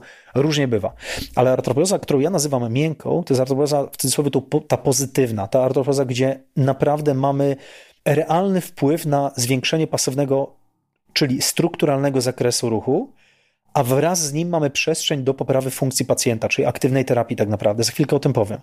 Na szczęście jest to większość artrofibroz. Problem polega na tym, że brakuje fizjoterapeutom, lekarzom wiedzy na temat tego, że z tym pacjentem można pracować i tak naprawdę trzeba pracować i tak naprawdę te efekty będą. Naszym dodatkowym problemem jest jeszcze tutaj kwestia finansowania służby zdrowia, ponieważ niestety artroboza jest komplikacją, czyli tak naprawdę nie możemy rozmawiać tutaj realnie o ramach czasowych, bo możemy rozmawiać o dwóch, trzech miesiącach, a możemy też rozmawiać o 80 miesiącach tak naprawdę, czyli jak weźmiemy pod uwagę aspekt finansowy, no to wiesz, no wiemy wszyscy, że każdy z nas ma inną sytuację ekonomiczną, mówiliśmy o tym wcześniej. Dla niektórych 300 zł to jest dużo, dla innych 30 tysięcy złotych nie robi wrażenia, tak naprawdę, więc w żaden sposób nie, nie jesteśmy w stanie przewidzieć tutaj czasu leczenia. I z drugiej strony trafia do mnie argument też przeciwników takiego podejścia do terapii, że takie leczenie jest za drogie. Zdaję sobie sprawę z tego, że to jest jakiś argument, ale tak naprawdę my w tym momencie w cudzysłowie leczymy użyję tego określenia, zrujnowany staw tak naprawdę i struktury okołostawowe. Na szczęście tych artrofibruz jest więcej, większość i te efekty tak naprawdę z tygodnia na tydzień, z miesiąca na miesiąc tak naprawdę mamy. Natomiast tutaj, tak jak mówię, ta praca jest mocna, jest z bólem, jest niekomfortowa dla pacjenta, bolesna dla pacjenta, reakcje pacjentów są tak naprawdę różne. I znowu w oparciu o moje doświadczenie, o czym mogę powiedzieć? Moim celem każdej wizyty z tym pacjentem jest to, żebym po każdej wizycie miał największy zakres ruchu, nad którym pracuję z tym pacjentem od momentu, kiedy go znam. Czyli po każdej wizycie chcę mieć największy zakres ruchu. Czy zawsze daję radę to osiągnąć? Oczywiście, że nie. Czasami ja mam gorszy dzień, czasami pacjent, biomet korzystny, niekorzystny, różnie bywa. Ale taki mam cel. Ale takim wyznacznikiem, prawdziwym wyznacznikiem sukcesu pracy z pacjentem z artrofibrozą są tak naprawdę poranki. Czyli generalnie to z jakim zakresem ruchu pacjent rano się budzi. I to jest to podejście, czyli ten dysonans między końcem sesji fizjoterapeutycznej a porankiem, on jest dla pacjentów często mocno demotywujący. Ponieważ pacjent u nas jest na terapii, terapia jest bolesna, obciążająca czasowo, obciążająca finansowo pacjenta. Po sesji mamy poprawę przy artrozie miękkiej, ale pacjent mówi, Alberto, ale co z tego, skoro na drugi dzień rano i tak się budzę z deficytem. I to jest bardzo ważne, że pacjent wytłumaczy, że prawie każda artrofibroza taka jest. Najprościej rzecz ujmując, potrzebujemy czasu na przebudowę tkanki. Najprościej rzecz ujmując. Ale czy tak, Artur, jest? Nie wiem. Próbuję sobie to w jakiś sposób wytłumaczyć. Że mam, ja na to patrzę w ten sposób, że mam czynnik mechaniczny, czyli mocną pracę z pacjentem plus zadanie domowe, ten czynnik y, mechaniczny jest mocny i na to nakłada mi się czas, gdzie ta tkanka uważam, że ulega przemodelowaniu. Mam nadzieję przynajmniej, że tak jest. Zobaczymy w przyszłości. Mam nadzieję, że na poziomie histologicznym czy wręcz komórkowym będziemy w stanie odpowiedzieć na to pytanie. Natomiast bardzo ważne jest to, żeby wyedukować pacjenta, że prawie każdy pacjent z artrobrozą tak reaguje, że po terapii jest lepiej, ale rano nie ma poprawy. Ale będzie taki tydzień, kiedy naprawdę ruszysz. I, i mówię to z pełną odpowiedzialnością.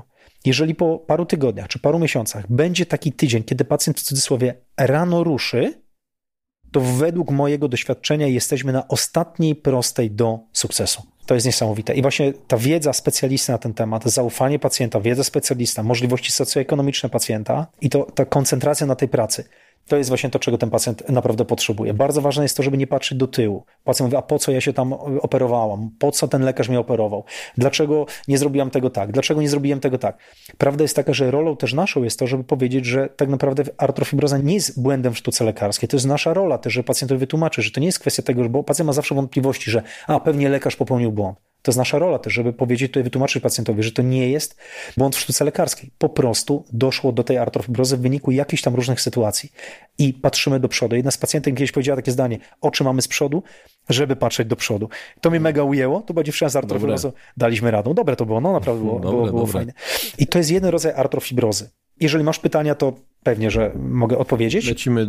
Po twoich wypowiedziach trudno mieć pytania, ale się cieszę, bo wiesz, że niektórych trzeba ciągnąć za język, bo są skąpi w wypowiedziach, e, a ty jesteś bardzo obficie mówiącą osobą, co mnie cieszy, bo nie muszę ci ciągnąć za język. Wiesz, ja mam problem taki, że chcę, wiesz, jak najwięcej powiedzieć, mhm. wiesz, jak to, wiesz, wiesz, A ja nie mam, ja nie mam problemu tak ze słuchaniem. Ja trochę jestem, wiesz, ten podcast jest e, trochę mm, samolubny, to znaczy ja mhm. zapraszam gości, żeby się czegoś dowiedzieć, usłyszeć, no, zyskać jakieś doświadczenie i wszyscy tak myślą, że to takie narzędzie i mhm. tak dalej, że no, trochę też wyszło dlatego, że ja po prostu lubię rozmawiać z ludźmi z branży i czerpać z ich doświadczenia, także. Świetnie. Go.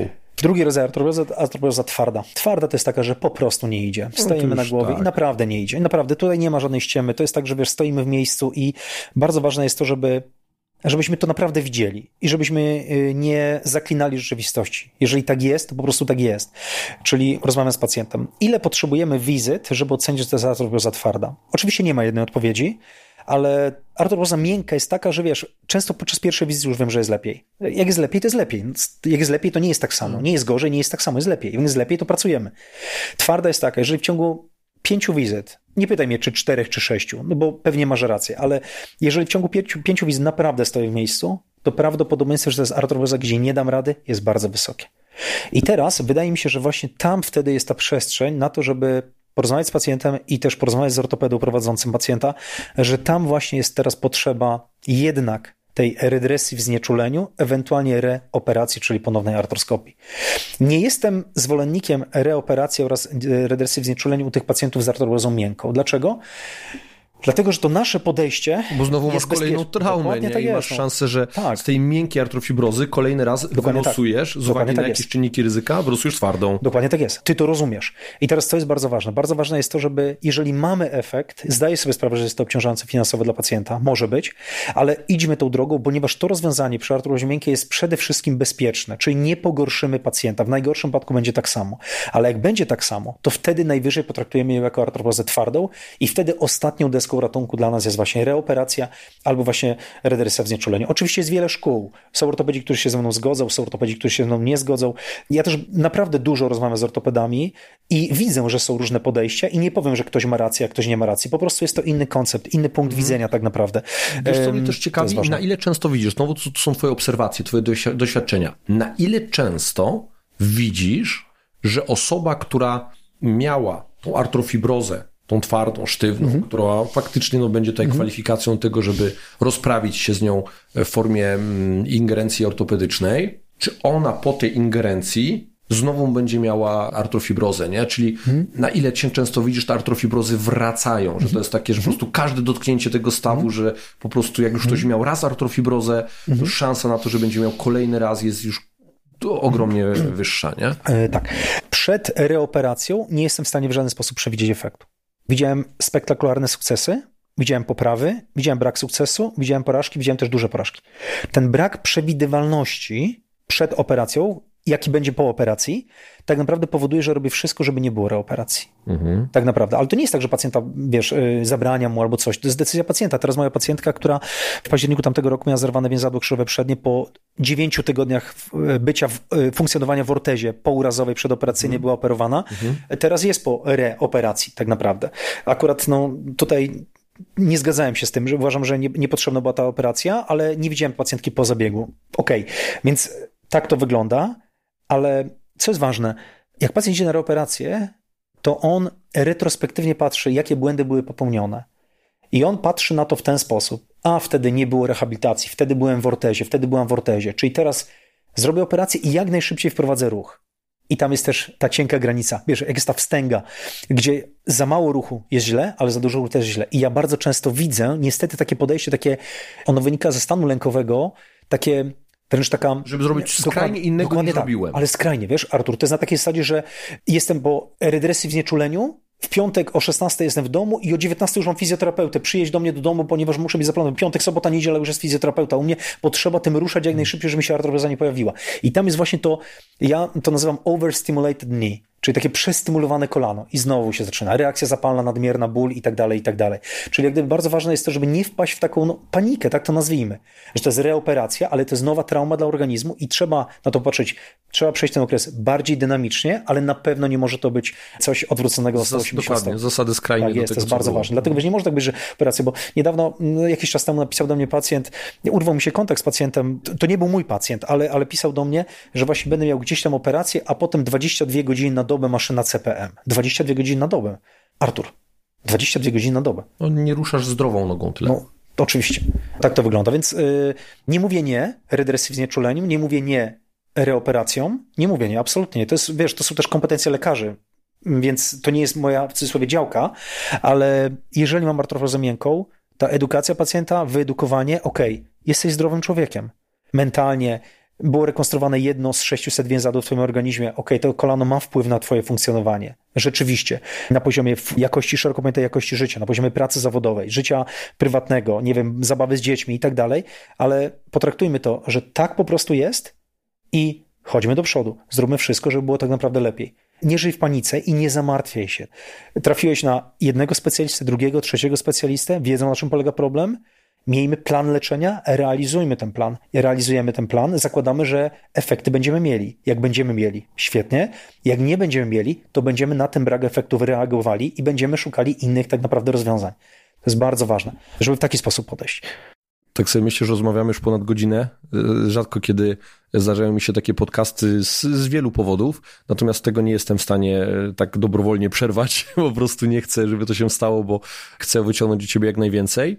Bartoszu, e, myślę, że zrobił się z tego niezły masterclass, to znaczy miał być podcast, a wyszło takie praktyczne szkolenie, za co bardzo dziękuję, bo myślę, wielu słuchaczy wyciągnie ogrom wiedzy dla siebie i będzie taki trochę game changer w rozumieniu tego, czym ta artrofibroza jest i jaki mam na nią wpływ i co mogę zrobić z nią po fakcie. Będzie to na pewno wartościowa wiedza w kontekście tego wnioskowania klinicznego, podejmowania decyzji, bo, bo to jest sztuka. I, I żeby podejmować lepsze decyzje, nie wystarczy czytać tylko prace naukowe, jest to oczywiście fundament, ale potrzebne jest właśnie to, co ty mówisz, czyli jak potem ty w praktyce działasz, jak ty wnioskujesz klinicznie i na jakie przeszkody napotkałeś oraz może jakie spektakularne sukcesy i dlaczego zaliczyłeś. Czy chciałbyś jeszcze coś dodać na temat artrofibrozy? Czy jest jeszcze coś, o czym nie porozmawialiśmy? Tak, y, wiesz o czym nie porozmawialiśmy? Nie porozmawialiśmy w ogóle o wpływu artrofibrozy na funkcjonowanie aparatu ruchu pod względem struktur aktywnych mięśni. To jest coś niesamowitego. No to dawaj. Żeby popatrzeć na artrofibrozę w ten sposób. Ja już to powiedziałem. Wiesz, to jest slogan zasłyszany z jakiegoś, coś tam związanego z treningiem na świecie, nie pamiętam. Nie ma funkcji bez struktury. Z drugiej strony struktura nie zastąpi funkcji. To, co powiedziałeś, po unieruchomieniu mamy ogryzek, mamy atrofię. Była operacja, była trauma, czy uraz, ewentualnie operację, albo i, i. I od momentu, od czynnika, od momentu, kiedy pojawił się problem, do chwili obecnej, czyli czasami dwa miesiące, czasami półtorej roku, mięśnie nie pracowały. Nie pracował układ nerwowy, nie pracowały mięśnie. Brak struktury uniemożliwia pracę mięśni. I co jest bardzo ważne? Bardzo ważne jest to, żeby z jednej strony popatrzeć na artrofibrozę przez pryzmat szeroko pojętego zakresu ruchu na poziomie strukturalnym, ale też, żeby każdy specjalista zrozumiał, że ten pacjent ma potężne deficyty w zakresie szeroko pojętej kontroli nerwowo-mięśniowej, w zakresie szeroko pojętej, nazwijmy to, siły ogólnej albo siły y, jakby w danej części ciała, już zajętej części ciała. Tutaj deficyty są okrutnie wysokie. Okrutnie to jest złe słowo, bo ono jest mocno pejoratywne tak naprawdę, ale one są i tak naprawdę bardzo ważne jest to, żeby wraz ze zwiększaniem zakresu ruchu bezwzględnie stymulować pracę mięśni i uwaga, w sposób naprawdę efektywny. Czyli do czego zmierzam? Tutaj bardzo dużym problemem, kolejnym w artrofibrozie jest niestety brak wiedzy nas, czyli fizjoterapeutów, na temat optymalnego doboru ćwiczeń dla pacjentów. Kinezyterapia oznacza leczenie ruchem. I tak naprawdę niestety pierwszą cechą wspólną pacjentów z artrofibrozą jest to, że nie mają zwiększonego zakresu ruchu. Dlatego doszło do niej. Drugą, ćwiczenia naprawdę jakość tych ćwiczeń wykonywanych w trakcie procesu usprawniania tych pacjentów była, muszę użyć tego określenia, nie mam w sobie negatywnych emocji, ale naprawdę skandalicznie niska. Homopatia ruchowa. I bardzo ciekawe określenie. Pierwsze, pierwsze słyszę, ale naprawdę bardzo ciekawe określenie. I to jest mega ważne, żeby każdy specjalista, każdy fizjoterapeuta zrozumiał albo zadał sobie pytanie. I myślę, że to wystarczy i możemy tym podsumować e, nasz podcast. Czy mam wiedzę na temat doboru ćwiczeń dla moich pacjentów? I ja się pod tym podpisuję, zresztą moja działalność w mediach społecznościowych mhm. od 2019 roku związana jest właśnie między innymi z popularyzowaniem lokalizacji kinezyterapii w mhm. pracy fizjoterapeutów, ale tej prawdziwej mhm. kinezyterapii, a nie tego, co słyszymy na tych podstawowych paru zajęciach z kinezyterapii, mhm. czytamy w podręcznikach Zębatego, które, mhm. które są taką literką A w tym wszystkim, mhm. co my nie powinniśmy wiedzieć, a musimy wiedzieć. Dokładnie tak. No tak uważam. Także tu jest też bardzo duża przestrzeń do, do dyskusji, do tej też penetracji naukowej, ale też e, stricte już e, merytorycznej, klinicznej, ponieważ każdy pacjent z artrofibrozą nie ma dobrze funkcjonującego aparatu mięśniowego. To jest bardzo ważne. Tutaj nie może być wciskania piłeczki. Tutaj nie może być y, prostego ćwiczenia taśmy teraband. Tutaj jak gdyby musi być plan działania, musi być realizacja tego planu i tak naprawdę te ćwiczenia muszą być możliwe do wykonania, ale jednak wymagające dla tych ludzi tak naprawdę, ponieważ to podnosi nam tą funkcję. Ta struktura z funkcją muszą iść równomiernie, bo znowu, nie ma funkcji bez struktury, ale dwa, struktura nie zastąpi funkcji. To, że nie mam wyprostu w kolanie, czy nie mam strukturalnego wyprostu, uniemożliwia mi funkcję chodu. Ale dwa, pełny wyprost w kolanie nie daje mi gwarancji chodu.